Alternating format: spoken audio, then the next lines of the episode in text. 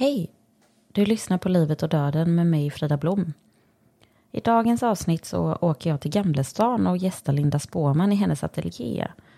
Jag tycker att det blev ett så himla fint och eh, på många sätt ett samtal som ringar in allt det som jag önskar av den här första säsongen. Det var ett struligt ljudkort som har varit boven i det hela och eh, jag har verkligen försökt i redigeringen att att eh, förbättra med alla medel som bara går. Eh, men som ni kommer höra så är det fortfarande inte hundra. Men jag hoppas verkligen att ni trots detta inte stänger av utan att ni vill hänga kvar hela avsnittet eh, för att inte missa någonting. Nästa vecka så är ljudet tillbaka till det vanliga. Och sist men inte minst så får ni jättegärna följa podden på den plattformen där ni lyssnar. Och betygsätta, dela. Allt sånt som hjälper algoritmen. Ehm, men eh, här kommer avsnittet med Linda och hoppas att ni ska tycka om det.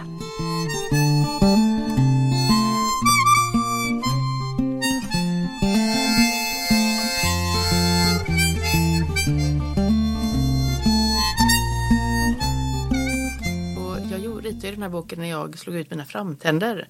Något som jag tycker är, det är liksom en av de banbrytande och bästa sakerna som har hänt mig. Det var att jag fastnade i spårvagnsspåret när jag cyklade eh, i Majorna och eh, var lite onykter och cyklade i högklackat och då, då ramlade och slog ut mina framtänder när jag pratade i telefon. Eh, jättehemsk olycka egentligen och eh, då blev det på något sätt startskottet till ett oändligt lidande för mig. Eh, eh, när jag upptäckte det, eller liksom, det gick inte in i mig först för det var så chockerande och vakna utan tänder.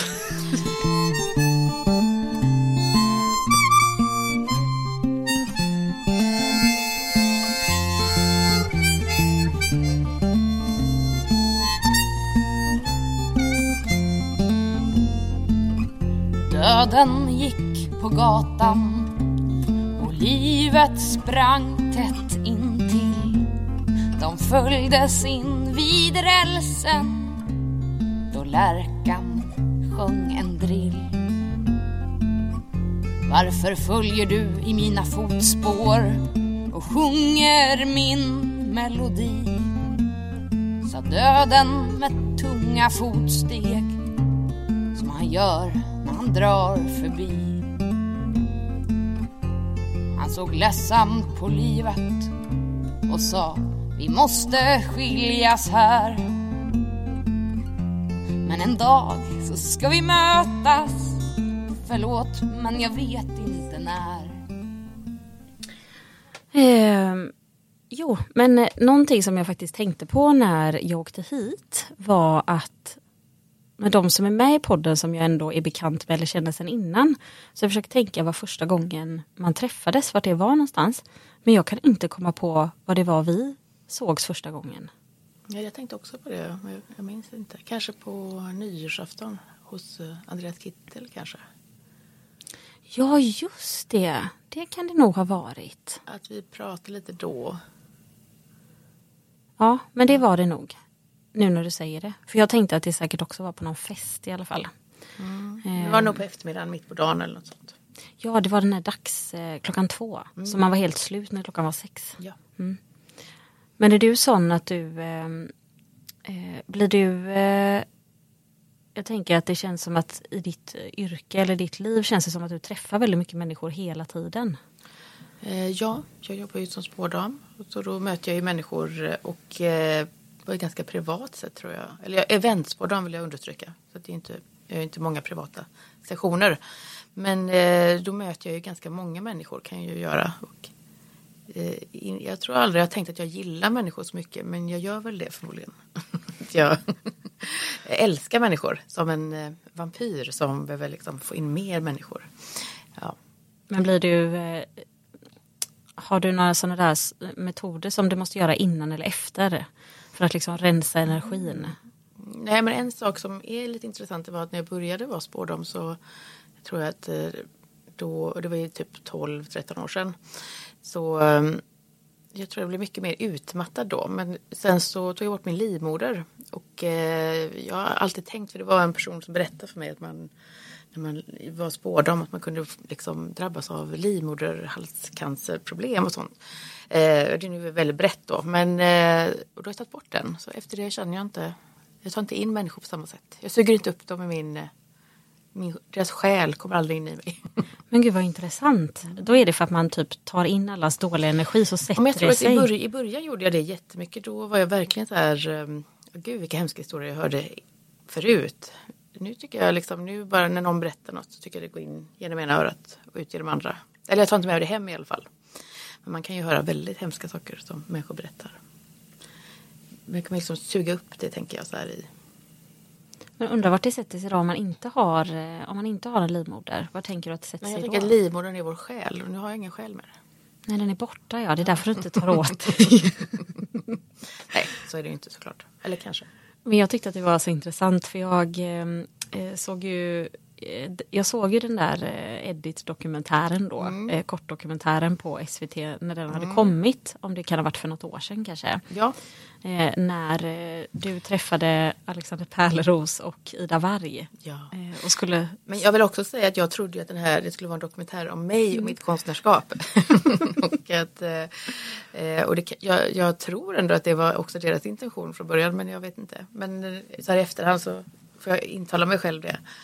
För, för jag tror inte att jag skulle velat åka ut i skogen med en annan eh, moderkaka och eh, spå de här människorna. Men det var också spännande. Men hur pitchade de in det till dig? Eh, nej, men de, de pitchade in det som att de skulle göra en, en liksom konstdokumentär om en konstnär som arbetade med det esoteriska. Ja, jag, jag, jag arbetar ju lite med esoterisk konst då, eller det magiska och jag gör ju ett kortlekar och eh, kanske scenografi egentligen till mitt eh, spårdomsarbete som egentligen är performanceverk. Men eh, så jag tänkte ju liksom, åh kul, så här, ska jag komma till min ateljé och men, men eh, så var det liksom en dag som de föreslog att vi skulle möta någon influencer då och de hade inte bestämt vilken. Där man skulle åka till, till den här personen och spå den då så att det var ja, som något grädde på moset kanske. Ja, då visste inte du att det skulle vara det som var dokumentären. Nej. Nej men sen så plötsligt så jag, då var det så här, det, jag, den sköts ju upp också tror jag då. Vi spelade in den för väldigt länge sedan. Så sköts den upp liksom för de sa, nej men jag tror det kanske var Alexander Pärleros som inte var nöjd ehm, på något sätt. Och också var det väl att de fick klippa bort ganska mycket av, av vårat samtal och spårdomen. Eh, Men jag vet inte alla detaljer så jag vågar inte säga för mycket. Men, Men, men finns det något du kan säga som du vet att de klippte bort som du kände, ja det här var tråkigt att de klippte bort? Just med ert jag, samtal. Jag tyckte att han, alltså jag hade ju fördomar mot honom kanske innan som en väldigt sån här superglad entreprenörsmänniska. Som, ja, hur de nu är. Jag har lyssnat någon gång på hans podd, kanske om Framgångspodden. Så då hade jag kanske lite fördomar kring honom. Men jag tyckte också att jag kände, jag blev rörd över honom. Jag blev, kände ömhet för honom och att jag brydde mig om honom. Och jag tänker att eh, jag tycker kanske att han skulle gått med på och, eh, vissa delar av den här spårdomen till exempel. Att eh, det hade varit lite mer om det. För det var ganska mycket bortklippt. För då tror jag att man hade fått en mer nyanserad bild av honom och mer liksom, intressant bild av honom. Men jag tänker att han nog har en, också en idé om vem han är eller hur han framställs. Ja, det där måste vara svårt. Att man har, för det kan jag själv tycka, att man har den här bilden i sitt huvud Mm. av eh, eh, när man ser sig själv som på tv eller hör sig själv på en inspelning. Ibland är det ju lätt att tänka att det som är obagligt är ju att man, att man känner så här, "Åh, vad ful jag var. Nej, men du vet att, man, eh, att det skulle vara bara rent ytligt. Men det jag har upplevt har varit obehagligt är ju det här glappet mellan vem man, eh, hur man ser sig själv och att helt plötsligt så är det som att man ser på en främmande människa eller man lyssnar nästan på en främmande människa fast det är en själv. För att man känner inte igen rösten så som man, det låter när man själv pratar och så som man ser ut i, på liksom, tv eller inspelad är ju inte så som man ser ut för sig själv när man tittar sig i spegeln. Och att det där glappet är så obehagligt. Att det blir nästan som en um, okänd människa. Men är inte det här människans största problem då? Det är att den liksom inte känner sig att den duger eller är fin. Eller, alltså det du tar upp är ju någon slags självkritik eller något överjag som kritiserar. Har man, har man råd att tänka på sådana saker egentligen, tänker jag, som Nej, men det, men det som, skapande människa? Eller, Nej, det har, det har man ju inte. Nej. Det är ju så dåligt att göra det. Men, Men det var det jag menade, att det är inte alltid nödvändigtvis ens att det handlar om att man skulle tänka ens att det är någonting, att det är inget värderande nödvändigtvis, det är det oftast ändå. Alltså för att vi lever i den eh, värld som vi gör så det är svårt att undvika att inte känna att det första man fokuserar på är alla komplex man har och det är det man ser. Men bara det här tycker jag att det obehagliga också ligger i som sagt att det är ett glapp där. Att man inte känner igen personen som man ser på tv mot hur man ser ut i spegeln. Liksom. Att det är mm, Ja, att det är en sån, det är som att man ser en främling och så är det en själv. och så börjar man så här, ja, ah, är det så där? Är det den jag är? Eller är det här den jag är? Liksom? För det jag tyckte var så fint då i den här dokumentären, nu var ju inte den jättelång, men på slutet där så begraver ni ju en moderkaka.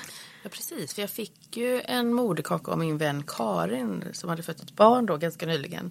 Så jag eh, behövde egentligen den moderkakan till en annan sak men så hade jag den i frysen och sen kan jag tänka mig att det var de här SVT-personerna också som tyckte att ja, men det är något, vi gör något roligt.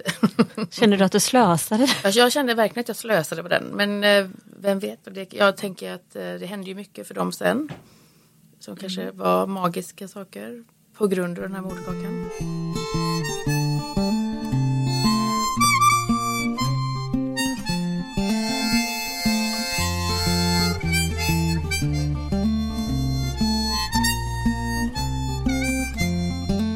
Eh, men nu sen, jag vet ju att du var på jubileumsfestivalen och hade den här ett års 400-årsjubileum. Ja, precis, ja. får vi se. Eh, kan inte du berätta om lite hela konceptet kring det?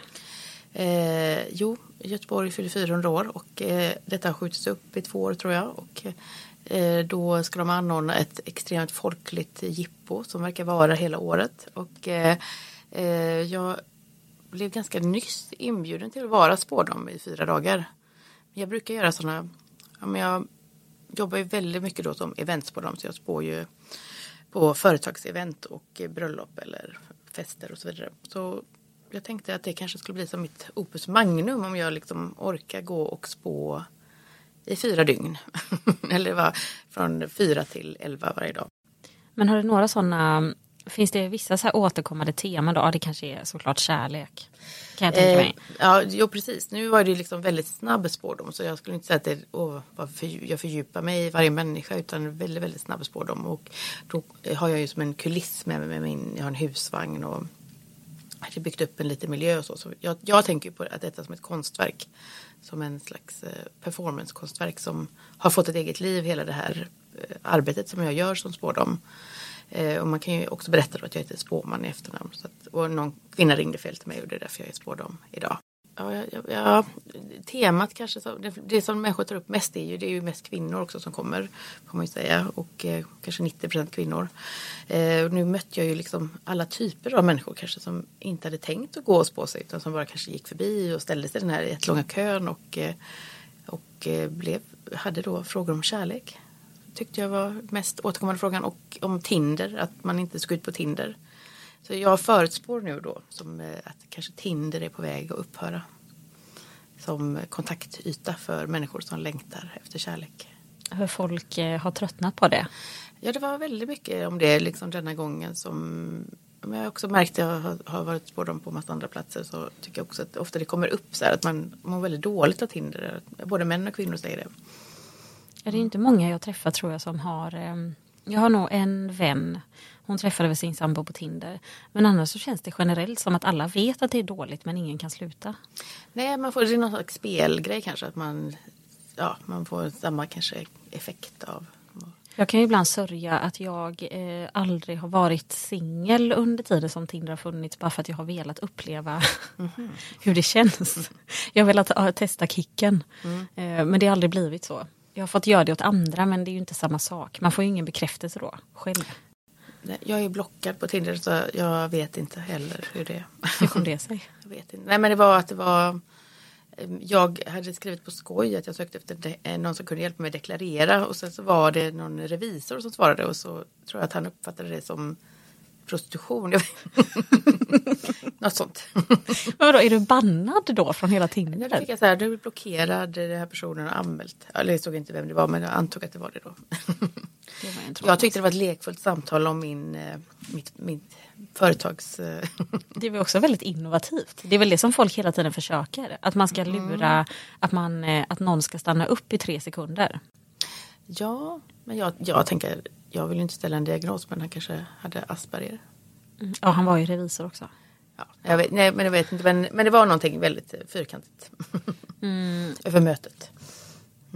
Men eh, vad eh, känns det som, du sa det här förut att du har blivit bättre på att liksom inte suga upp eh, alla, om någon kommer med ett problem eller kanske berättar saker om sitt liv, att du inte tar med dig hem på samma sätt.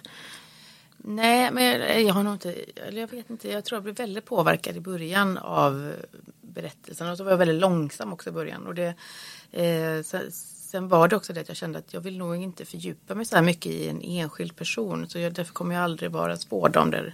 Eh, jag får ju jättemycket mail från människor som vill bli spådda då. Eh, komma kanske hit till min ateljé som vi är nu eller, eh, eller komma hem till en. Eller, eh, men då känner jag också att det är bättre att hålla det i den här liksom lite mer lekfulla, mm, roliga formen av e-, eventet. Eller att man kan ja, vara på en personalfest. Eller. Men kunde du eh, från början då när någon ringde fel till dig och trodde att du var en äkta spåman. kunde du i början ändå ganska tidigt dra den gränsen? Eh, nej, det gjorde jag inte då. Mm. Utan då tänker jag att jag tog in människor väldigt mycket. Ja, men jag tycker också, jag, menar, eh, jag har ju övat väldigt mycket på att vara spårdam. Eller jag har ju läst väldigt mycket kort. Och det är ju så man lär sig också. Så det var också en del varför jag började med eventspårdam i början. För jag tänkte att då kommer jag kunna möta jätte, jättemånga människor. Och, och liksom kunna möta olika typer av människor och olika typer av problem. Och, Du sa att det oftast är kvinnor, det kan man ju ändå tänka sig. Så. Men är det ofta som eh, eh, folk, eller händer det ändå att folk är skeptiska? Eh, Ja, det tycker jag. Det finns ju nästan en aggression tycker jag mot eh, liksom, spårdamer. Det kan ju alltid vara någon sån som ska liksom, komma och avslöja. Eller, eh, som någon gång när jag var i spådde i min husvagn på en festival så hörde jag liksom folk utanför. Ah, så ska jag ljuga nu och säga att jag har fyra barn. Då. Men nu var de ju lite fulla då så kanske annars hade jag inte hört det här. Men eh, då skulle de liksom komma in då med liksom en lögn egentligen om sig själva. Eh, ja. Det var ju en Men- fruktansvärd kväll. Som tänkte att jag skulle bli kärad och fjädrad. Utkastad ur stan. Ullared var det. Men det, det är också någonting med eh, eh, att det ju är, det är väldigt många som blir eh, provocerade eller triggade känns det som av eh, eh, allting som kanske tillhör då det okulta eller som har någonting, allt det här som vi inte kan mäta liksom, allt som inte är ettor och nollor. Eh, men, men det blir också så ironiskt för jag tänker att går man in med den inställningen av att man ska ljuga, jag menar det är ju inte för någon annan skull man går dit. Så det är ju bara att man, att man slösar sin egen tid i så fall. Ja, men det tycker jag också. Det har jag också tänkt på nu när jag var på den här eh, 400-årsjubileet då. Eh, att det var så många som kom, eller det är det ju alltid, tänker jag, när det är gratis. Att liksom, då ska ju alla människor som, jaha det är gratis, då måste jag ställa mig i den här kön fast den tar en timme för mig att komma fram. Eller i gassande solljus. Men då kom det ju fram liksom en hel del par till exempel. Här, par som sitter tillsammans och så fick man ju ställa en fråga var till kortleken. Och då så sa de till varandra så här, ja, men jag vet, nej men jag vet inte. Så vet du vad du ska ställa för fråga? Nej, nej jag kan inte komma på någon fråga faktiskt. Och då kan man också undra, vad gör du här? Så, här, Varför finns du? Ja. Eller vad, Varför har du slösat alla andras Ja, tid också? alla, du slösar min tid genom att inte veta. Och, men så tänker jag också egentligen är det ju så att alla människor har ändå någon liksom, frågeställning. Något som de längtar efter att prata om. Jag tror många gånger att man vet kanske exakt vad man vill fråga men man vågar inte. Nej. Kanske särskilt inte om man sitter med sin partner. Nej men precis, det blir också en blockering som också är väldigt förvånande att man väljer att göra det här tillsammans. Och, Men jag tycker att det är kul också för jag tänker att det är lite samma fenomen som när folk bli stressade av att gå på kanske en konstutställning för att man hela tiden tänker att det finns ett facit eller att man ska knäcka en kod. Du vet det här eh, att man ska förstå. Det hör man ju ändå många gånger, det kan man ju tänka själv också. Hmm, Jag tror jag förstod den där tavlan, eller vad det nu är man ska förstå. Istället för att kanske bara tänka på det som en upplevelse.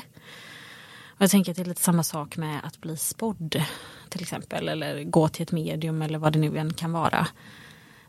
Det känns väl också som att det kanske hör ihop mycket med mer kanske en slags kvinnlig eh, Alltså den här intuitionen och mer eh, mjuka värden som vi kanske inte är lika bekväma med.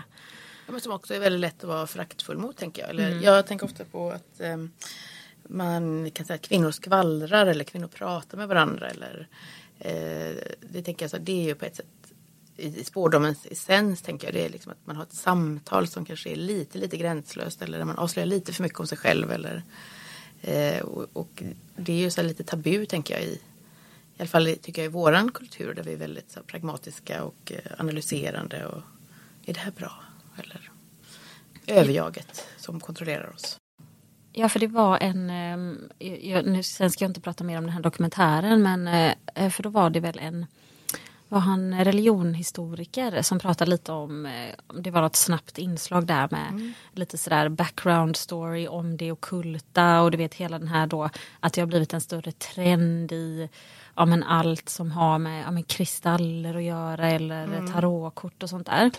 Och att eh, det kunde vara ett resultat också av våran att vi har ett liksom mer individualistiskt samhälle. Men det är ju väldigt, väldigt trendigt. Är det, ju. Det är det det ju, kan ju men- också betyda att det snart kommer att vara över. Men Men tror du inte också att det har att göra med det här kanske att det har blivit mer okej att anamma det som anses vara kanske mer ehm, mer, vad ska jag säga, kvinnliga värden. Och nu menar jag inte ens kvinnligt som i kvinna utan jag tänker vi alla har ju de sidorna, alltså det som är feminint eller maskulint och sådär. Att det kanske har blivit lite mer okej och att det också bidrar till att det här får vara trendigt eller ha, alltså att det har liksom ändå fått en stor skjuts. Sen finns det ju som det finns inom allting såklart eh, folk som skor sig på saker. Men det är väl där också att man kanske inte ska, så som jag ser dig som konstnär, så är det ju inte så att jag tänker att du kanske besitter liksom något, något övernaturligt eller att du ska du vet, ja, men du vet, ha kontakt med andar och sådär utan att man liksom tar det för Men där tycker jag det är väldigt intressant det där med andar. För det har jag ju också märkt nu när jag, ja, men bara de senaste två åren, att människor ska fråga så här efter liksom en liten stund då kanske att man säger, "Ja, men det är inte så att du pratar med andar. Eh, Då tänker jag, hade man kunnat komma med en sån fråga för tio år sedan eller eller liksom så generellt, att så många också frågar det liksom av alla typer av människor också. Det, ska, det är liksom inte en grupp människor utan alla. Och att man då vill prata med någon död anhörig till exempel som man då känner att man inte har sagt sitt till. Eller, eh, och det här är jag ju jättemycket emot då, att tala med andar. Är du det? Ja. Varför det, då? Nej, men jag, jag tycker att det är um, lurendrejeri. Ja, du tror inte på det? Nej. Inte alls? Nej det tror jag inte. Men jag tror ju liksom en föremål kan ju besitta. Eller jag vet inte, jag, jag tänker just med när någon går bort. Eh, Min pappa gick bort för ett halvår sedan ungefär och jag känner ju att vi pratar ju på, på ett sätt i vårt hjärta hela tiden. Eller vi pratar ju, ja, nu lät ju det väldigt banalt men du förstår vad jag menar. Att det känns som vi pratar hela tiden fortfarande. Eh, men jag tänker de där som vill prata med and, andetalare liksom. Har de inte kontakt då med sin anhöriga längre eller? Det här är en privat fråga. Nej, men jag tycker det är jätteintressant för i min värld så, så um, tycker jag, och det, och det är det här som blir så svårt när man ska prata om det, för jag sitter ju inte inne på några bevis som är mätbara. Nej. Mer än mina egna upplevelser eller min egen tro. Men du, Alltså i, så. i din bok så får du ju ändå ett magiskt tecken i den där du får någon växt av din morfar va? Som, jag tänker det är ju magiskt. Jag har så många olika magiska tecken eh, som jag ser och tror på. Men för mig så handlar det också kanske om att jag behöver inte veta om det är jag får ju nästan utslag när folk är så här, ja, men eh, jag eh, har inte fått något bevis för det så då tror jag inte på det. Jag tänker väl att tro handlar väl om det där klassiska att eh, jag inte vet. Mm. så därför tror jag. Och jag upplever att mitt liv blir större av att tänka Ja men är det inte det är magiskt tänkande. Mm. mm. Men, nej, men jag är, det är jag ju för då. Men jag är bara emot att liksom folk tar betalt för att komma i kontakt med en död anhörig. Mm. Men kommer du ihåg eh, då när den här kvinnan ringde fel till dig? Mm. För väldigt många, var det när, hade hon kollat i telefonkatalogen? Nej, hon hade gjort det på Google Translate mm. så då blev ju det på mitt namn. Hon var i Göteborg på besök. Så att hon ja, hade väl gjort från engelska som hon letade efter fortune teller så kom väl jag upp där då. Men eh, ja, det är också magiskt. Men vad var Kommer du ihåg, var du hemma då när hon ringde dig eller var du någon annanstans? Nej men jag jobbade som frukosttränare på ett hotell. Som, eh, eh då går man upp väldigt, väldigt tidigt. Och eh, på något sätt så fastnade jag i det. Eller som jag hade ändå inte tänkt att jag skulle stanna där. Men plötsligt så stannade jag där på det här som lite trygghets... Eh, trygg, eh, en trygg plats kanske. Ett tryggt brödjobb. Och eh, så jag kände att mitt liv var väldigt monotont. Så jag hade kommit hem ifrån den här, en sådan dag där man har varit uppe så här 4.30 och gjort frukost till tusen människor och sen gick jag och la mig direkt och brukade sova liksom fram till kvällen och sen till nästa dag. så, och då ringde den här kvinnan så då, och då tror jag, jag minns att jag tänkte så innan, jag måste bryta det här nu. Men det som är så roligt är ju, för jag kan ju inte föreställa dig som någon annan nu. Nej, men, men jag tänker att jag är konstnär. Det är, är viktigt att jag är det fortfarande. Jo men absolut. Ja. Mm. Men det är väl där också kanske eh, att det kan finnas beroende på vart någonstans du är så kan jag tänka mig att är du, eh, om du sitter liksom vid eh, Hagabion till exempel så vet många kanske att du är där i egenskap av konstnär medan om du sitter i Ullared så kanske många tänker att här har vi en riktig spårdam. Ja precis. Det var ju det som var lockelsen. Mm. Åka till Ullared.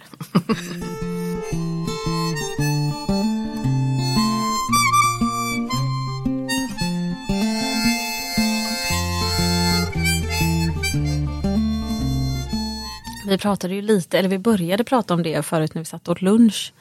Det här med att, eh, att skriva om andra människor. Mm. Eh, du var ju du har ju liksom gjort dina serieromaner. Mm, det, det förekommer ju olika människor jag känner ibland. Men nu har jag slutat göra serieromaner. Var det för att eh, du fick skit? Nej, nej det var det inte. Nej men jag, jag tror att eh, jag alltid hade haft en dröm så här, när jag var barn att jag skulle göra en bok. Att det var som en tänk göra en bok eller att det var så här otroligt ouppnåeligt och eh, fantastiskt långt bort från min egen värld eller verklighet. Eh, men sen så gjorde jag ju en bok, eller eh, det här med mitt misslyckade självmord i Mölndalsbro och sen kände jag att jag hade lite fler böcker inom mig men efter det så, så hände någonting efter min sista bok som hette Den första kvinnan. Och då tror jag att jag var väldigt trött bara på att göra serieböcker. Så då har jag inte gjort det. Men jag har ritat eh, illustrerat en bok till en, en, annan en man som har skrivit en bok som handlar om häxor och det tyckte jag var väldigt roligt. För det vi pratade om då var ju lite hur eh, hur tröttsamt och jobbigt det är att allt alltid ska ha en vinkel. Mm. Och att den vinkeln tyvärr också alltid landar i att allt eh, ska vara eller är självbiografiskt. Och om det är det så är det också det som man måste på något vis eh, grotta ner sig i. Mm. För det har jag ju redan upplevt med min bok att, och jag visste ju såklart att det skulle bli så. Och, är du besviken över det då eller hade du tänkt att det skulle bli på något annat sätt? Nej men det är väl någonting, det här, kanske, det här har väl också med kanske identifikation att göra. Att inte vilja eh, Jag kan känna att jag har varit lite rädd för att hamna i fack eh, i det här facket Eh, det, det, finns ju någonting som folk ofta vill fråga andra eller som folk ofta säger själva och det är så här, har det varit terapi? och jag, åh, jag, jag, får, jag får eh, det känns som en sån eh, klyscha att har vi inte kommit längre än till att det alltid ska ställas den frågan. Jag vet, jag vet ju såklart att allting måste ha en vinkel och särskilt om det är eh, ett kort reportage eller som när jag var med i Nyhetsmorgon till exempel. Att eh, det, det blir ju fokus såklart på vad man själv har upplevt och sådär. Men jag eh, har känt mig kanske lite äcklad av mig själv. Mm. Men så kände jag efter att jag gjort den här misslyckat självmordsboken då. Att jag känner otroligt äcklad av mig själv. Och ibland kan jag väl störa mig på mig själv så här långt efter. Att känna, Gud, för den kom ju för jättelänge sedan. Men jag kände jag att nej, men det här vill jag aldrig mer vara med om. Jag vill aldrig mer göra en bok och vara med om det här. det är någonting med att um, för det som jag tyckte varit lite svårt har ju varit att balansera också att i och med att min bok bygger på en relation som jag inte är i längre. Mm. Så är det lite läskigt att känna att man när man pratar om den relationen så blir det automatiskt att jag pratar om den som jag var i relationen mm. med. Och det var jag ju väldigt nyfiken på då. Hur, hur den personen har reagerat eller eh, som jag, positiva känslor. Nej, men som jag har uppfattat det så, så känns det som att han har tagit det bra. Men han måste ju vara med i din podd. Eller du kanske bara skulle gjort en podd med typ tio avsnitt om er relation. Ni kunde bryta ner alla, alla kapitel i boken. Ja, precis. Men tvekar du då någon gång då att du, jag kanske inte borde skriva den här boken då? Eller tänk om den här personen blir Det roliga svårare. var att jag tvekade inte under tiden jag skrev den för då visste jag inte heller att den skulle bli publicerad även om det såklart var var en, en dröm att den skulle bli antagen och utgiven. Men då visste jag inte det så då kändes det ju väldigt långt bort. Mm. Och sen när den blev antagen då tänkte jag så här, ja, men jag får ju skicka den till honom så han får läsa den. Och så dröjde det väldigt lång tid. Mm. För jag också kände att, ja men jag visste ju också att vissa saker kommer ju falla bort i redigeringen så då vill jag kanske inte strö mer salt i vissa sår. Vad hade hänt om han bara, det här vägrar jag vara med på? Jag vet inte riktigt. Jag eh, pratade med en annan vän om det här och, och, det var ju Han sa ju även att han eh, att han skulle, om, om han hade varit Peter, att han skulle känna sig rasande.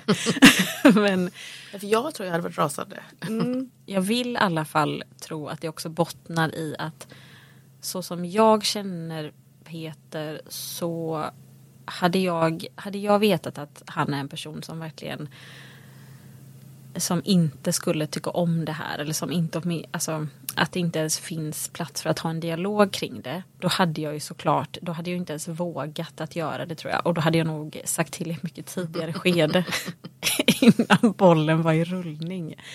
Eh, men, men, när han... då i skedet har du berättat? Var det liksom, nu är den på väg på tryck här. Eh, har du sagt, när fick han... Nej men han fick läsa den faktiskt i, um, han fick läsa den innan den var färdigredigerad helt. Mm. Så han fick jag mejlade den förra hösten till honom och den släpptes ju nu i april. Så han hade ju Jag vet ju att hade han sagt så här, det här vill jag absolut inte ha med. Eller kanske bara att jag också ville att han skulle få en chans att för Det är ju inte att jag är naiv och tror att det var lätt för honom att läsa den. Men att det kanske bara att han skulle få en chans att hinna smälta lite och om han skulle ha någon fråga att man skulle ha hunnit prata om det. Så att han inte behövde läsa den i realtid när alla andra kunde mm. läsa den också. Eh, men jag, men jag tycker att det är jättesvårt att eh, jag brottas fortfarande med det. Och det är kanske en, en del av varför jag kan känna mig lite äcklad av mig själv när jag pratar om det. Ja, men jag tänker ändå för att någonting ska bli, liksom all konst tänker jag, för att det ska bli bra så måste man ju sluta tänka så mycket på andra människor. Eller, eh, eller det är vad jag tror. Och det är ju det ständiga dilemmat. Mm kanske är lätt för dig då om du inte har någon själ kvar. Eh. Lite själ har jag ju kvar. Nej men det finns en massa saker egentligen jag skulle vilja här, göra berättelser om men som inte går egentligen. För att, ja. Men jag gillar ju också så här, eftersom jag ritar serier så kan jag ibland liksom sitta och tjuvlyssna på spårvagnen och sådär eller titta på människor tycker jag är jätteroligt att gå hem och rita av sen. Eh, så det har jag jättemycket, liksom tusentals teckningar där jag liksom har bara ritat av människor. Då har jag ju stulit egentligen deras tankar. Men det roliga är att eh, vissa av dem, av dem som jag har sett då mm. genom åren så är det kul för man kan ändå känna att ah, det är den typen av person. Så oftast kan man ju verkligen känna igen, det, det är ju inte så, aha, utan det är, ofta, det är ju relevant. Liksom. Mm. Men vad, för hur länge sedan var det som misslyckat självmord? När den kom? Den kom 2011 kanske eller något. Mm. Mm. Så det är länge sedan. Hade du någon bild av hur det skulle vara innan den kom? Eh, nej, nej, det hade jag inte då. Jag hade ju faktiskt blivit refuserad också två gånger eh, med två jättebra manus tyckte jag. Eh, så jag, jag, blev väldigt stött. Så jag skickade aldrig in, jag, jag, redigerade aldrig de här två. Jag fick ändå ett brev liksom. Där det, där kanske man kunde ändra. Men tog jag så illa vid mig så jag gjorde inte det. Men sen, jag ritade den här boken när jag slog ut mina framtänder. Något som jag tycker är, det är liksom en av de banbrytande och bästa sakerna som har hänt mig det var att jag fastnade i spårvagnsspåret när jag cyklade eh, i Majorna och eh, var lite onykter och cyklade i högklackat och då, då ramlade och slog ut mina framtänder när jag pratade i telefon. Eh, jättehemsk olycka egentligen och eh, då blev ju det på något sätt startskottet till ett oändligt lidande för mig. för man får ju inte nya tänder direkt. Det trodde jag också faktiskt i två veckor nästan. att Det kommer de fixa nu, sätta in nya tänder. Men man måste ju låta benet växa ihop och då var jag liksom inomhus och då ritade jag den här boken. Då hade jag plötsligt liksom tid med mig själv. mm. Men jag kan faktiskt inte tänka mig, eller det är klart jag kan tänka mig värre saker än att slå ut tänderna. Men jag drömmer väldigt ofta att jag vaknar och har tappat tänder och har ja. panik. Det, det, påverkar så otroligt mycket av ens utseende och vad man utstrålar. Ja. men det var, ja, det var ju tur den, det var egentligen så här, var det tre tänder men de stoppade tillbaka sen för växte fast. men, eh, jag, nej, men det, var ju, det var ju tur för, för också var det så att jag hade för ännu längre sedan varit med i en dokusåpa och vunnit eh, väldigt mycket pengar. Eh, men som tur var sändes bara väl typ två veckor den här dokusåpan på tv så jag hade ändå vinstpengarna så jag kunde vara hemma ett helt år och verkligen liksom lida då i min med mitt ansikte varje dag. Så jag, jag tror jag glömde bort det varje, varje natt jag gick och la mig. Så när jag vaknade så såg jag mig själv i spegeln så grät jag. Hur som helst då så eh, ligger det i linje med hela mitt arbete egentligen. Men så vad var frågorna då? När, när du blev intervjuad om den boken, mm. vad var de ständigt återkommande frågorna? Men det var så här, ja, men som att jag skulle prata, liksom vara någon slags talesperson för psykisk ohälsa eller självmord. Så här, och jag, jag, älskar inte alls att leva eller liksom, jag är inte alls en jättepositiv människa. Eller, men um, jag tycker ändå det är ganska privat att ta livet av sig. Eller, det är inte något som man vill prata om på Nyhetsmorgon med någon. men det är det som är så intressant också tycker jag med när man själv, har, när man själv väljer att vara öppen om någonting. Mm. Så är det väldigt lätt för andra människor att tänka, ja ah, men hon har varit öppen om det här om det här ämnet en gång eller ett forum. Så då är det fritt fram mm. och ställa frågor hela tiden. I vilken situation man än befinner sig och på vilken nivå de frågorna än mm. är. Ja, men så är det faktiskt. Det tycker jag att, att jag, ofta tycker jag att jag får väldigt gränslösa frågor om psykisk, psykisk ohälsa eller min hälsa. min psykiska hälsa. Eller, eh, jag tänker också om jag hade varit psykiskt dåligt hade jag inte kunnat göra en bok typ på 300 sidor. Det är ju inte jag har haft sinnesnärvaro att göra kanske. Men kommer du ihåg hur du, ehm, hur du parerade de frågorna när de kom? Bokförlaget var ju ändå så här att ja men nu ska vi göra en grej i tidningen Amelia så här och, så, och då kände jag nej men det kommer bli så här direkt ur livet. Eh, det här hände mig historia.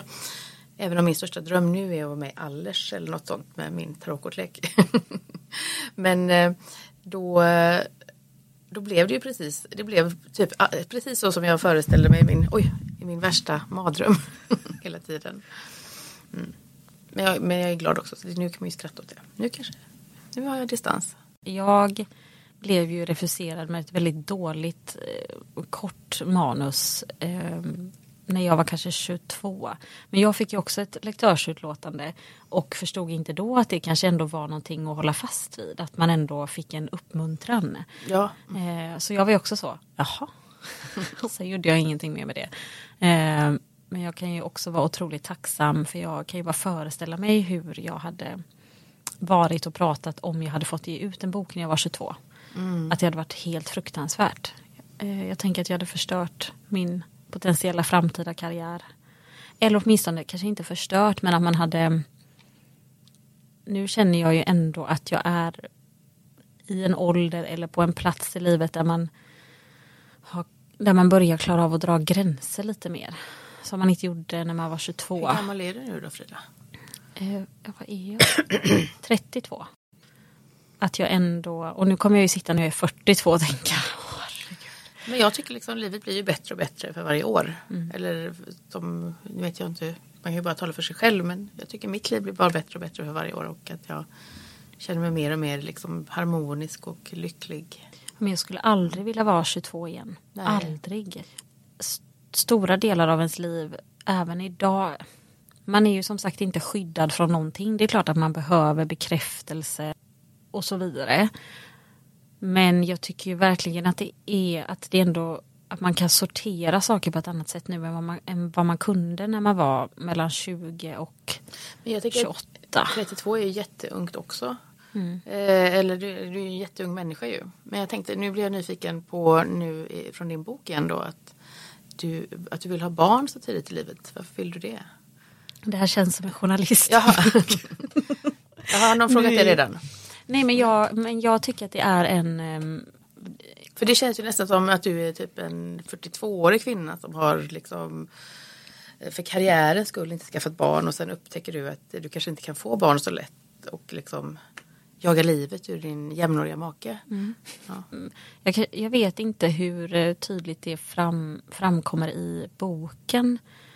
Men det, det står ju på något ställe där att ehm, det här liksom den där frågan man ställer sig själv, men varför vill jag ha barn? Och att jag faktiskt aldrig jag har liksom inte något solklart svar på det. Mer än kanske att jag alltid har velat ha en familj. Och då, då ingår ju barn oftast i det. Alltså nu finns det ju olika familjekonstellationer men för mig så, så har det ingått att, att liksom ha barn. Men jag tror att mycket såklart var påverkat av att i den relationen att, att eh, min sambo var så mycket äldre än mig. Så många av våra gemensamma vänner hade ju familj och barn och så. Och på tal om att vara i, i en ålder där man också blir påverkad såklart av ja, men känslan av jaha, men det är den här det finns liksom olika riktningar. Antingen så är man kanske det här paret som som av antingen så väljer man själva att man inte vill ha barn eller så är det någonting man har inte fattat i beslutet än och sådär. Och man bara har kul och man kanske reser. Alltså det känns som att det oftast finns något sånt par. Eh, men, men många i våran närhet var ju gravida eller skulle eh, eller hade barn. Så jag tror att en stor del av det att det spelade in också. Så jag har liksom inget bra svar. Och det, men det är ju också Jag det. blir provocerad på ett sätt. Eller- Och det är en bra känsla tycker jag när man läser att man blir lite provocerad och undrar vad, vad, varför håller du på så här? Varför jagar du detta? Men den frågan ställer jag ju mig själv i boken också. Att om man Ja, inte jo. har ett självklart svar så vad fan, vad, hur motiverar jag det här? Men jag, jag kan mycket, jag tycker att man kan jämföra det, du vet när man har varit de gångerna i livet då man har varit eh, besatt av någon, alltså en kärleks, eh, ett kärleksintresse. Så är det ju nästan till slut att det slutar handla om personen och att det mer handlar om besattheten. Jag tycker att det finns något liknande i så som jag kommer ihåg hur det blev efter ett tag. Att i början så föreställde man sig det här barnet. Och efter ett tag så var det ju nästan att de här känslorna av att man bara, det skulle fan bara gå.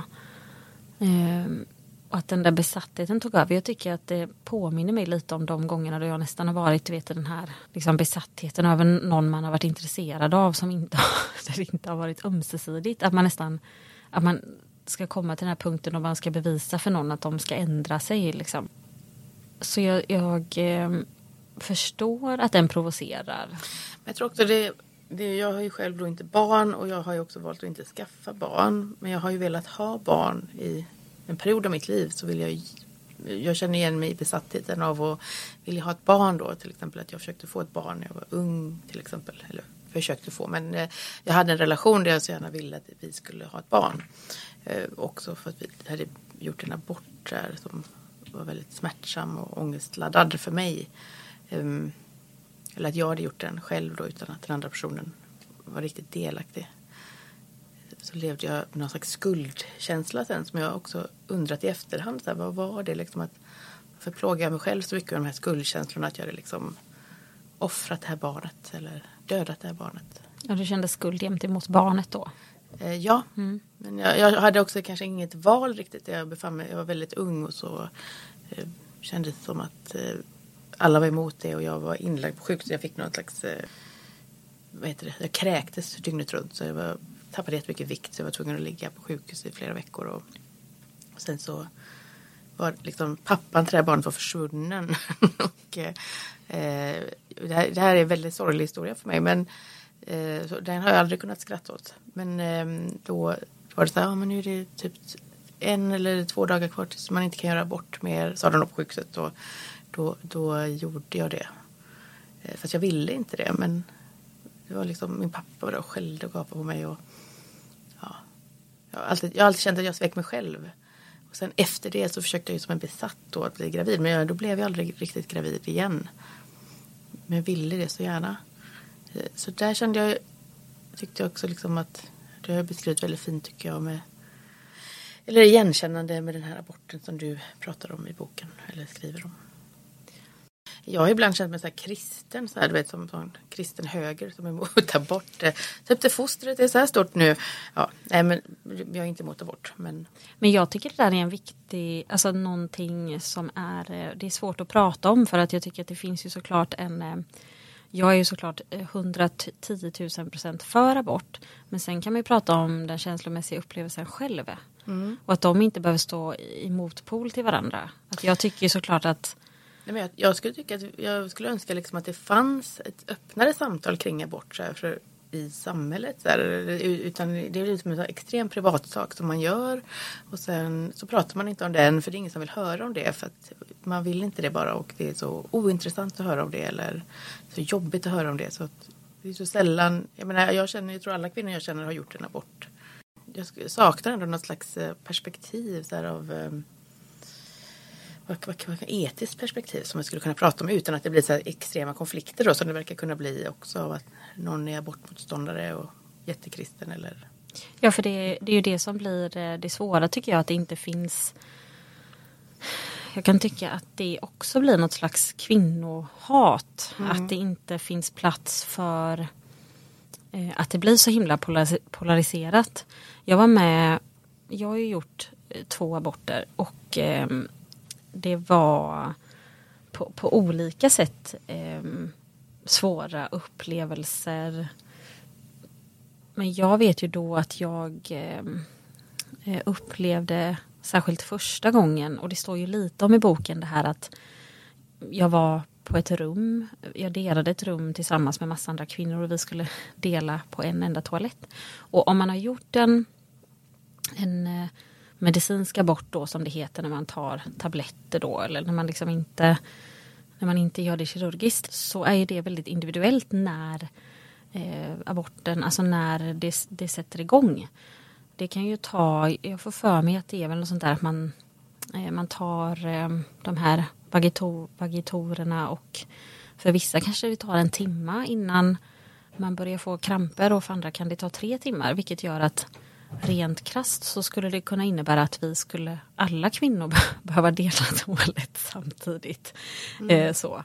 Eh, också bara att det var så otroligt utelämnande på något vis att gå igenom en sån privat en sån privat upplevelse och så ska man sitta på en toalett och så är det knäpptyst utanför och så ska fem stycken andra sitta och lyssna på liksom vad som, vad som händer. Men, men då vet jag att det som var väldigt eh, fint var att några år efter så var det en, en vän till mig som skulle göra en abort och då så frågade hon mig ifall jag kunde följa med som stöd. När jag fick vara med henne, hon fick ett eget rum, hon fick all smärtlindring. De sa så här, men du kan få morfin om du vill det. Det var aldrig någon som erbjudit mig morfin och det fanns eh, jag vet inte om det var liksom eh, bara en eh, slumpen som gjorde att, hon, att det blev så bra för henne. Men det var så fint att eh, få vara med om det. Det var liksom som att, som att jag kunde se att eh, ja, de här upplevelserna finns också. Att man inte behöver vara eh, på ett rum med liksom fem andra kvinnor. När du opererade bort din livmoder, kunde du känna att du fick något slags den här skulden, något var- avslut? Jag kände, på ett sätt kände jag att det var en bestraffning. Bibliskt. och, Ehm, men jag kan berätta också att jag har ju en gudstro. Och eh, den går ju inte, jag jobbar ju också som spårdam och med magi. Det är två olika saker tycker jag. Men jag, och jag tror att den, den, har, den förstärktes ju under här, liksom, min första abort. Där då de känslor. Jag vet att det var en kvinna också som jobbade på eh, den här kvinnokliniken där jag var inlagd på en avdelning i då för att jag hade den här det heter väl någonting hyper någonting. Men eh, och hon var ju så här, du ska inte göra abort, så det är mot Gud. Hon var väldigt kristen och jobbade där och var verkligen så att hon försökte övertala mig att inte göra det. Det har ju nog påverkat mig också i efterhand att jag kände att herregud vad har jag gjort? Jag har gjort något mot naturen. Ja, vad var frågan? Du- eh, nej, men jag tänkte på det då att, eller, ehm, och inte för att vinkla det här. Ja, ja inte för att vinkla dig till ett offer. nej, nej, nej, nej. Ja, det var faktiskt, eh, det var ju väldigt förvånande tyckte jag det här med livmodern. För att ehm, det började som att jag hade cellförändringar och sen plötsligt så var det så här, ah, men har du cancer i livmodern? Eh, det är jätteallvarligt, du måste ta bort den. Och, ja, det var, så jag gjorde typ så fem små operationer och sen var det, nu måste vi ta bort den och så. Man kan dö nu, du kommer att dö om ett år om du inte gör det här. Ja, så det är väldigt dramatiskt. Men då kände jag att det här är nog ändå, kändes så, det var magiskt tycker jag. Jag önskar att jag hade fått behålla livmodern sen men det fick jag inte. Den skulle skickas någonstans. Ja, just det. Jag blev väldigt skulle- besviken. Men hade du, eh, frågade du ändå? Ja. Ja.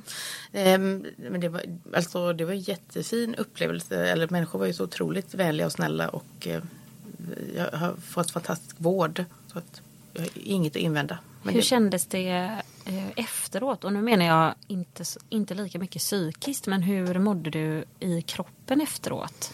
Mhm. ja, men man var ju väldigt, man blåses ju upp. Så det var väl enda egentligen typ att man blev uppblåst med någon gas eller vad det är. Man, Det gör så ont. det gör så ont ja. Och det är sånt. I axlarna. Kom, Ja. Alltså i, eller, ja, jag minns att jag tänkte att det skulle göra ondast i magen men det gjorde ju fruktansvärt ont det här trycket som blev i kroppen. Ja. Nej, men jag tror att eh, det som jag egentligen minns, minns mest från det, det var ju att jag upplevde att, liksom att läkarna var så varma och fina och liksom alla var så snälla. Och, men eh, att jag hade fått lite så här, eh, att narkosen hade börjat. Jag, när jag skulle operera bort den här dagen då så frågade dem, ja men så när kommer läkaren? Eller så det var någon som pratade med mig. Och så, "Men det är du som ska göra det. De bara, Nej men det är robot som ska göra det. Och så var det liksom, eh, tittade jag upp då så var det som en vit maskin med så här robotarmar. och då var jag så här på väg ut ur eh, Ja, in i mörkret. Jag blev väldigt rädd. Jag tänkte en robot kan ju inte operera mig. Det, det går ju inte. Det är, liksom, det är omänskligt. Men jag tänker också, livmodern är ett sånt, eh, jag tänker in, in liksom, i magi så är det ju ett väldigt, att vara kvinna till exempel, är ju det, är ju det kvinnligaste, över livmodern på något sätt. Eller, eh, man är livmoderbärare läste jag häromdagen. Man kunde vara, eller man kunde, som ett kön. Eh, då har jag ingen livmoder. Då undrar jag först också om jag inte var kvinna mer nästan. Ja, att det var ett neutrum.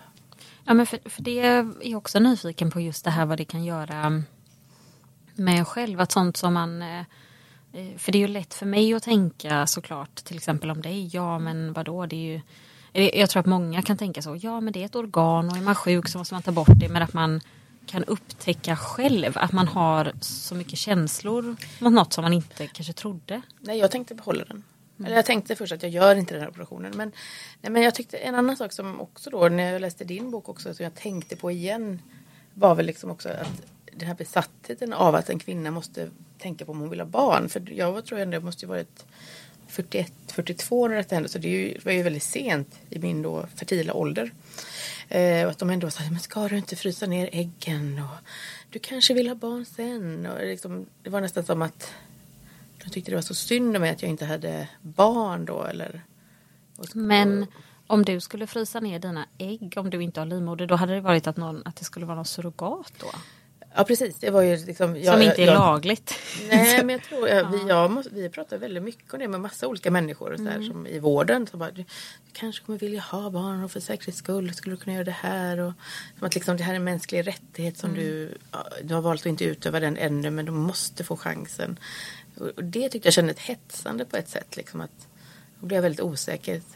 Har jag inte tänkt tillräckligt på om jag vill ha barn eller inte? Eller jag har ju ändå fattat ett beslut att jag inte ville det då. Efter typ 32 kanske. Och ibland kanske ibland kanske det är lättare att acceptera någonting om det finns något definitivt. Att du Ja, men det blir ju enklare att inte liksom tänka på det i alla fall. Som... på sätt och vis har ju då, vad ska jag säga, eh, och detta säger jag i all ödmjukhet, men att ibland, jag, jag kan tänka att det kan vara lättare, att någonting som kan vara svårt i dagens samhälle är att man alltid kan göra någonting mer. Alltså det finns, Mm. jag tänker till exempel som på fertilitetsbehandlingar och sånt där. Att förr i tiden innan liksom den moderna medicinen och sådär. Att eh, de som inte hade fått barn, eh, vissa kanske fick det efter tio år. Även om de hade liksom eh, levt tillsammans och haft sex liksom, många gånger un- under sitt gemensamma liv utan att eh, ha blivit eh, utan att, det, att de har fått bli gravida och få ett barn. Medan de som upptäckte så här, okej, ja, det, det verkar vara så att efter ett tag så, så får man barn och vi har inte fått det än. Att den där sorgen kanske på något vis, att det kanske var lättare att gå vidare till någon ny fas i livet. För jag tänker att här är det så här, har du resurser så kan du egentligen göra, då kan du hålla på i många år som helst. Alltså med IVF-försök eller Men jag tycker liksom det är bes- finns ju någon slags eh, besatthet liksom, kulturellt att man ska vilja ha barn eller man måste skaffa barn. Eh, Om man kan så måste man liksom, det ska vara din högsta vilja eller högsta kastet eller vad man kan säga. Eh, ja, som IVF till exempel eller eh, eller surrogat tänker jag. Det är, är väldigt, tycker jag, väldigt obehagligt med tanken på surrogat. Men det kanske är andra människor kanske är det bästa som hänt dem eller Men det som blev svårt var, jag fick ju på tal om intervjuer och sådär, så min första, min allra första intervju jag gjorde, då var det ju en, eh, en journalist som verkligen var en journalist så att säga, som ställde, du vet, så här, det skulle vara snabba frågor och snabba svar och det var ganska det var ju ändå så, ja men eh, vad tycker du om surrogatmödraskap och adoption? Som jag inte ens har skrivit om i boken. Um, och då var en av hennes frågor var um, Tycker du att barn är en mänsklig, mänsklig rättighet? Och det, alltså det finns ju få saker som provocerar mig mer, kom ihåg, än, än när folk sa till mig när jag försökte få barn att, eller inte sa till mig, men när man läste så här i kommentarsfält på Aftonbladet och sånt. Barn är ingen mänsklig rättighet. Nej, jag vet det. Det är liksom inte det. Men då, då blev det så, då blev det så um, dumt, för jag svarar ju på hennes fråga. Och då sa jag ju att nej, hur sorgligt det än är så tycker jag ju inte att det är en mänsklig rättighet. Ja, men då tog ju hon det som ett citat från mig. Barn är ingen mänsklig rättighet. Och så var det det här första citatet, vet när man öppnar eh, tidningen och ser eh, och, och ska läsa vad tidningen innehåller så var det en bild på mig och så stod det barn är ingen mänsklig rättighet.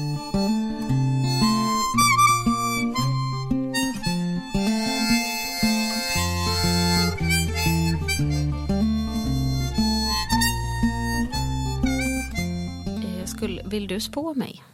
Ja, ska vi hitta en kortlek då kanske? Jag har ju många kortlekar här men jag, jag tar av mig de här Ja, lite. gör det. Eh, ska vi spå i min kortlek kanske? Du kan få en snabb läsning med tre kort kanske. Ja, Ja. det blir perfekt. Jag får säga då att det finns kort här i som är tråkiga. Det finns ett Ja. jättetråkigt kort i den här kortleken. Som, det här är min kortlek som jag har ritat. Som är nederlag. som det står You may never be good enough. Och det är väldigt hemskt när det kommer upp. För det är alltid, kommer alltid upp med kvinnor. Ja, och man kan inte heller eh, tolka det till något bra. Mm. Men eh, du brukar, är du vänster eller högerhänt? Höger. Så med din vänstra hand så får du dra ett kort då, som handlar om det som har varit. Mm. Nu har du skrivit en bok om det som har varit. kan vi se om det här kan skapa lite ljus. Seger har vi haft i det förflutna. Och det står också att du ska vin- vara en vinnare som ger. Eller är du en generös, är du en bra vinnare eller en dålig förlorare? Jag, jag tycker nog att jag är ibland, jag är en bättre förlorare i livet och sämre i spel. Men nu kan inte det här kortet, för det här är någon som, det är en eld under den här, det är en naken kvinna som står med en eld under sig. Och jag kan tänka att i, nu när jag läst din bok så känns det också som, och det du pratar lite om att du ville lyckas med liksom att få barn eller liksom skapa någon fulländning. Det här kortet handlar ju lite om att man vill att om saker ska gå perfekt eller man ska liksom skapa så som man har tänkt att det ska vara. Eh, så det kanske handlar om liksom den strävan som du har haft mot någonting. Men har du underkastat dig då? Eller underkastade du dig smärtan helt och hållet eller sorgen? Du har skrivit en bok.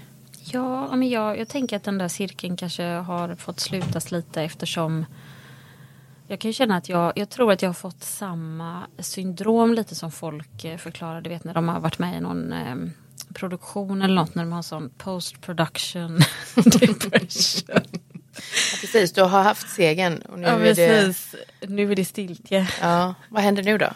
Mm. Skriver, Men jag- skriver du en ny bok nu? Nej, men mycket faktiskt tror jag handlar om en del till varför jag eh, valde att starta podden nu var väl också att jag kände hur mycket jag bara ville göra något helt annat kanske. Ehm, och då menar jag helt annat för en stund. Kanske för att komma ifrån Särskilt nu när man fortfarande gör lite intervjuer och sånt. Just där på tal om att känna sig lite äcklad av sig själv.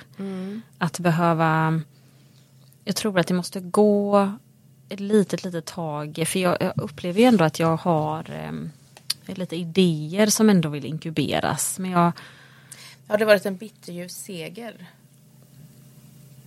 Eller ordet bitterljuv kanske, men eh, någon, liksom att jag tänker du har ju segrat men du har också lämnat ut dig själv. det är ju en tomhet som kommer när man ändå har jobbat på någonting. Nu finns ju folk som har jobbat jättemånga år på, på saker innan de släpps. Men jag menar, det här är ju ändå, jag har ändå fört anteckningar i många år och ändå jobbat aktivt med att redigera, skriva och redigera boken i, i, i två, två och ett halvt år innan den släpps. Och det är ju någon väldigt stor under hela den tiden så, så har man ju alltid haft ehm, Det har ju alltid legat framför en. Och att det är någonting som är, det är ju den där tomheten har jag upplevt nu efteråt. Att under tiden man jobbar på det då identifierar man ju sig med det. Men nu är det också på något vis som att jag redan känner att okej, men då vill jag bara göra nästa sak och inte nu är, den, nu, nu är det gjort. Jag tänker också på den unga Frida som jag träffade. När jag träffade dig i början. Jag vill minnas att du alltid, eller att du sa att din största dröm var att göra en bok. Och nu har du gjort det. Så du har vunnit. Ja. Men om du ska ge då, ska du hålla massa föredrag på IVF? Symposium över kan Sverige. Inte, kan inte bara, jag, tänker kan- att, jag vet inte, jag hoppas ändå kanske att den här podden kan vara en del av att ge. Sen vet jag inte om det är bara till mig själv eller till någon Ja, annan. men jag tycker vi förstår det här kortet. Ja, men jag tycker att det känns, eh, ja, det känns rimligt. Det påminner mig också om att jag bokade en tid för sån snippsauna. Har du gjort det? Nej, har du? Men, men du vet vad det är? Ja. Eh, nej, jag skulle ha gjort det, men, men hon, eh, jag skulle ha gjort det i Stockholm. Eh, och sen kom jag på helgen innan, och herregud, jag kommer inte, jag har inte möjlighet att åka på måndag. Men då var det en intervention från ovan som gjorde att hon mejlade mig och sa, jag behöver tyvärr ställa in tiden på måndag. Så det blev aldrig av. Eh, men jag skulle verkligen vilja göra det. Du bor ju i Alingsås och de har ju ett eh, spa där. Ett kristet spa. Men de, på det spat har de ju en massage som kostar 3600 tror jag. Och där du blir smörjd med Jesus oljor. De som han blev när de tog ner honom. Men, va, på, men inte, i, inte på det vanliga badhuset? jo, i badhuset där så kan man ta så här liksom med oljor från där Jesus blev. Ja, det är väl då i själva spadelen så är det väl någon privat aktör som bedriver någon massagegrej. Ja, Det här var ny information. Men den borde du gå på. Mm. Men eh, vi tar ett kort för nuet då. Men är du en nöjd person? Jag är nog en ganska otålig person. Det kommer ju liksom ett kort som man kan översätta till ehm, lite förfall. Eh, och då är det en... eh, Det, det står så här, Are you wasting your time? Eh, Fördärv brukar detta översättas till. Ja. Och då, då är det blommor som vissnar. Men slösar du? Du kanske slösar din tid på någonting just nu? Ja, men jag, alltså, gud, det där känns jätterelevant för mig. Ja. Men jag tycker också att det känns relevant för min kropp. Det är, jag tycker inte detta är ett dåligt kort men det är bara att den här liksom kanske den håller på där- med någonting som är inte produktivt. Jag tänker att den där, eh, för mig så representerar det där den där fasen man är i innan någonting nytt kan komma. Och det, För det är exakt den fasen jag känner att jag befinner mig i. Precis. Eh, jag, jag tycker att det eh, kortet ändå makes sense på något sätt. Sen vet jag inte vad jag slösa med tid. Jag kan väl uppleva att jag kan ha svårt att, eh, jag vet inte riktigt hur jag ska, den här konflikten mellan hur man ska disponera sin tid mellan eh, familj, eh, som nu när jag är iväg idag, alltså alla de där sakerna, det kan jag tycka är, eh, är svårt. Så du har varit borta hela helgen. Mm. Hur tänker du egentligen? Jag är övertygad om att man ehm, att det är positivt som familj att inte alltid vara tillsammans. Alltså att man har saker som man såklart gör. Och jag är också en person som, som mår bra av att ha egen tid eller göra saker som ger mig någonting, bara mig. Mm.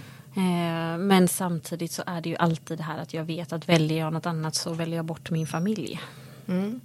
Även om inte även om det inte är någonting som min partner säger till mig så kan jag känna det i mig själv.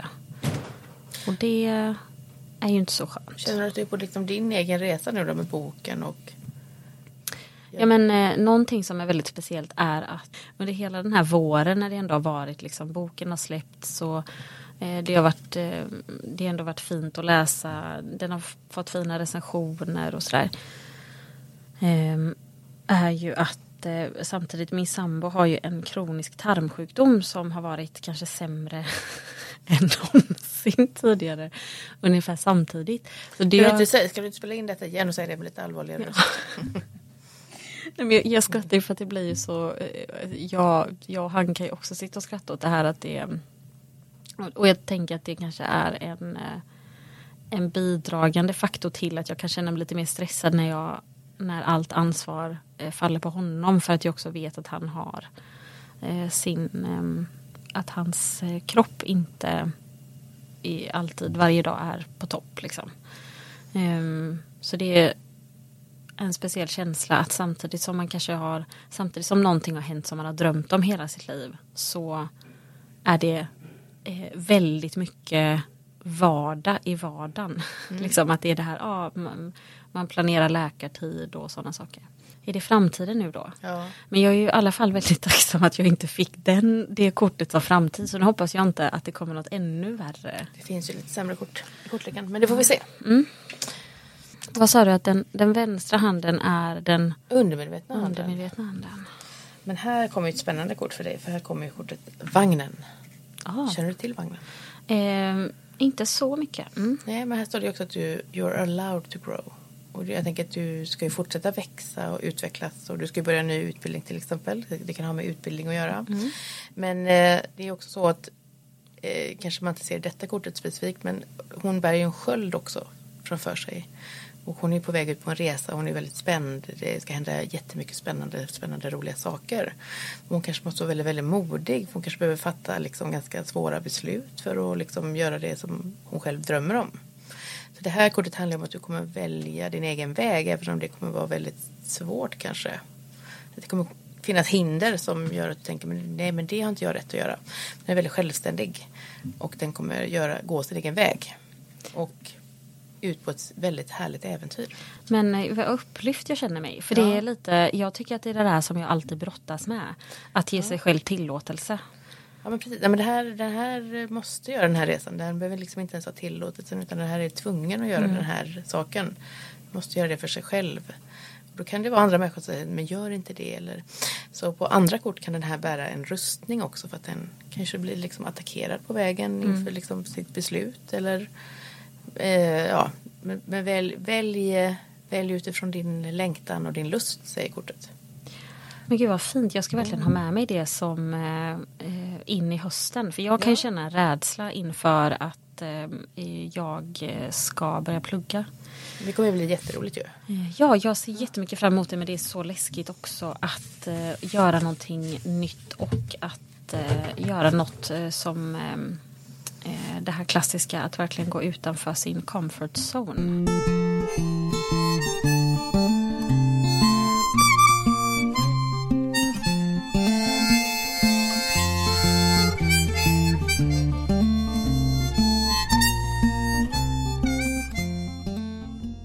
Du sa ju förut att eh, du inte trodde på andar.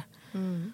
Och sen om man tänker på eh, liksom den kristna tron och sådär. Tror, tror du på änglar? Nej. Tror du?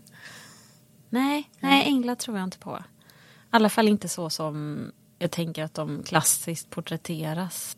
Tänker du att det... Vad tänker du händer efter man har dött? Eh, jag ho- hoppas att det inte händer så mycket. Eller Vill du att det ska vara svart? ja. Jag, jag är inte säker på det. Eh, men eh, det här är ju en ganska privat sak. Men eh, min pappa, eftersom han, han avslutade sitt liv i höstas. Och jag fick ju, jag vårdade honom de sista två åren av hans liv. Eh, I hans hem. Eh, han var väldigt sjuk, han hade ALS. Så att han, det var därför också att han avslutade sitt liv på grund av det. Men eh, då pratade vi väldigt, väldigt mycket om, om döden. Ja, och jag har tänkt väldigt mycket på vad hände, vad hände sen då liksom? Vad hände med honom sen? Men Det här kanske är en eh, jätte, jätteprivat fråga, men vad hade han någon önskan eller en bild av vad han trodde skulle hända? Ehm, nej, tror, nej, han var ju väldigt, han var ju väldigt, väldigt, tycker jag, rationell person. Eh, som var väldigt rak och såg saker liksom väldigt, väldigt rakt och skarp människa. Så jag tror han ville ju liksom att hans smärta och lidande skulle upphöra. Och han bestämde ju det den dagen han fick sin diagnos att han skulle ta livet av sig. Så det var väl typ ett, ett och ett halvt år innan kanske. Och jag, vi, hade, vi bråkade jättemycket om det här för jag tyckte att han inte skulle göra det såklart. Och sen, sen tänker jag att man tänker att folk inte får ta livet av sig heller. Eh, men jag sympatiserar ju med att han gjorde det. Eh, jag förstår varför han gjorde det också. Och, eh, men, men jag tror att han liksom inte... Nej, han ville nog bara att det skulle bli svart. Det var ungefär, eller han var, kunde vara ganska krass liksom när han pratade om detta. Men eh, sen kunde han också vara, liksom, ha väldigt, väldigt mörk humor så jag tycker att vi skrattade väldigt mycket åt olika saker. Ja, han, han ville egentligen åka och göra aktiv dödshjälp i, i Schweiz men man måste ju ha ett intyg från sin läkare så fick han inte det. Han, han fantiserade ju väldigt mycket och han trodde ju att han skulle få åka dit men sen så blev det ju inte så för honom då. Han blev ju ovän med sin läkare istället och eh, liksom, hans läkare avsade sig honom på slutet av hans liv. Ja, för vet du, var, vet du varför läkaren, eh, var läkarens eh, liksom, eh, motargument var? Eller Mm. som inte gjorde att han kunde motivera det? Liksom de argumenten, jag var ju med min pappa oftast på alla hans läkarbesök och, men på slutet kunde han ju inte resa sig upp ur sängen riktigt eller han kunde ju bara vara i lägenheten på slutet sista halvåret. Så, eller han kunde inte ta sig ner för trappan, han bodde i en väldigt konstig lägenhet så fick han inte heller boende och sådär. Så, eh, han var ju liksom fång i sitt hem. Men eh, då hade de ju mycket telefonsamtal men hans, läkarens argument var väl liksom att han var för liv, ja till livet. Men det tror inte jag på heller riktigt. Men sen har jag tänkt här att jag behöver inte fördjupa mig i det heller riktigt. Eller någon annan kanske hade gjort det eller så. Men jag tror att det får vara ett mysterium tror jag detta med varför han sa så. Eller, ja. eller jag har funderat på och faktiskt, eller jag funderar ju på göra en sån här an, patientanmälan eller något. Men det, men det är något annat. Men då såg jag hur jag skulle kunna bli galen av det. Eller att man gick in i en sån här 40-årig fade med samhället. ja. Men på tal om det här lite som vi pratade om förut, att, ehm, att skriva eller göra konst om, om andra människor. Är det här något sånt ämne som du tänker att du... Jag, hade ju, jag har ju redan börjat rita på en, en serieroman om min pappas hädanfärd. Men det har jag lagt ner lite faktiskt. Jag tror direkt efter så kände- det var väldigt, väldigt omtumlande och omskakande upplevelse. Och det, um, det är jättesvårt egentligen och det, ja, det går inte att återberätta vad det var vi var med om. Vi var med om någonting tillsammans, han och jag. Han hade andra barn som inte han träffade också. Och sen hade han jättefina vänner som stöttade honom också och som var där. Men på slutet var det liksom ingen som kom till honom. Han var väldigt ensam på slutet. Det var, väldigt sorgligt. Eh, Naturligtvis har jag tänkt göra konst om detta. Nej, men jag tror att han, han hade nog, han älskade ju, eller min pappa har ju alltid varit som min största supporter då. Eh, Men han var en väldigt komplicerad person så att det fanns, många människor skulle nog kunna säga att eh, han var en jätteobehaglig människa för dem. Eh, Och, det var han även för mig så det är inte helt, eh, inte en helt eh, mjuk eh, relation som vi har haft. Det är svårt det där också med eller jag tänker alla de där, alltså alla föräldrar-barnrelationer. Mm. Det här att eh, ha att ha en bild av sin förälder eller ha en känsla inför sin förälder, som är väldigt svårt. eh, Jag menar även de som inte har någon kontakt med sina föräldrar och att eh, det kan vara väldigt eh, svårt att hantera andra människors bild av ens föräldrar eh, i att man kan eh, i att man å ena sidan kan förstå vartifrån de kommer kanske. Å andra sidan så är ens, ens eh, pappa alltid ens pappa. Nej, Men jag har ju två syskon till exempel och jag, vi har ju väldigt olika upplevelser av honom som människa. Men också kanske egentligen samma upplevelse med att han var väldigt, väldigt kunde vara väldigt, han, ja, kunde vara väldigt arg person och eh, hade mycket mörka saker i sig som han kanske aldrig blev av med. Men, Men- sen tycker jag han blev väldigt annorlunda när han liksom hade bestämt sig att han skulle dö till exempel så då kändes det som vi, att vi slöt en pakt. Så här, att vi, jag lovade honom att följa med honom till, till hans eh, slut. Och eh, då tycker jag också att vi hade, vi hade ju hemska samtal då också såklart. Vi, jag skulle inte säga att vi slogs men någon gång gjorde vi nästan det. För eh, ja, hans medicin då som han hade, han hade som ett liksom förråd som han skulle ha till sin, till sin död.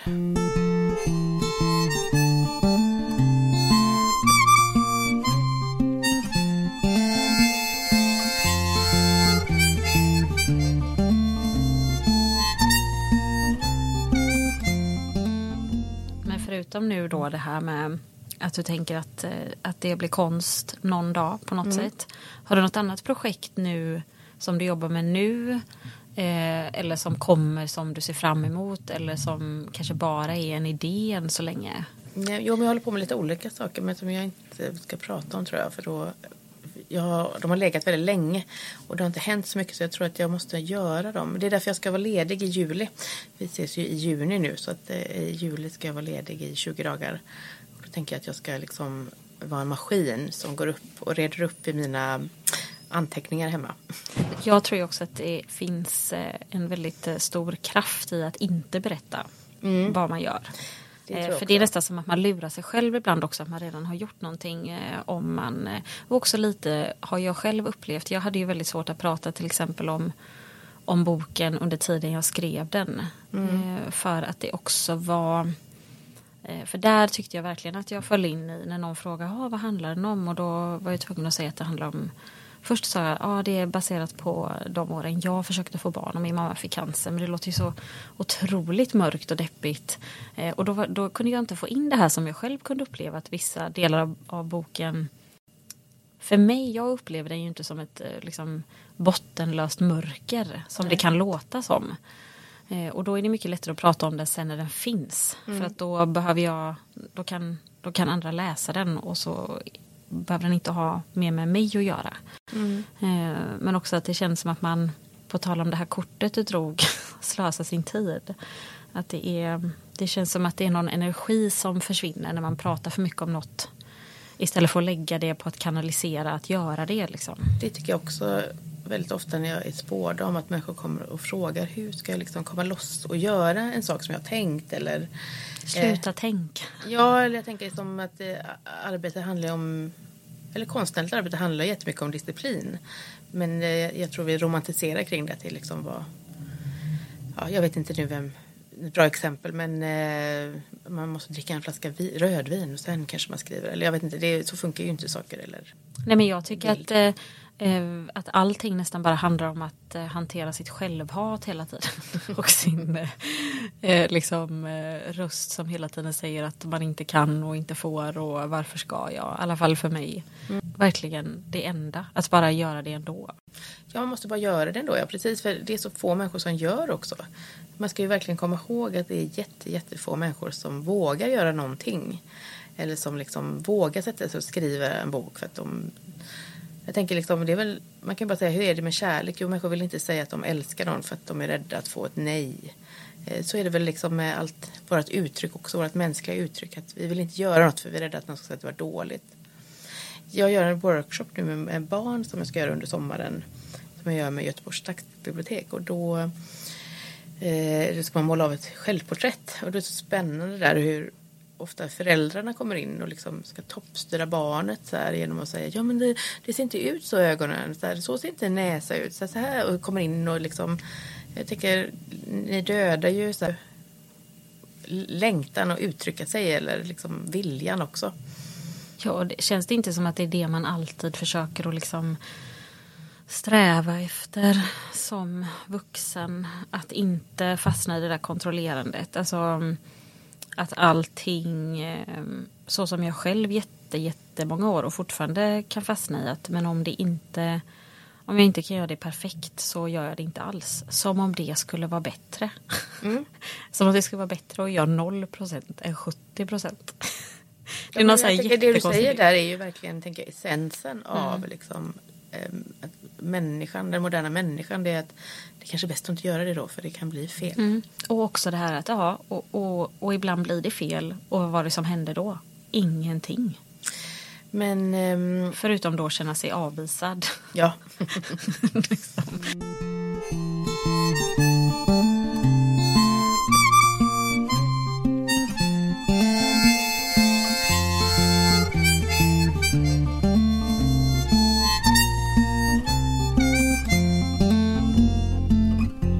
Döden gick på gatan och livet sprang tätt intill.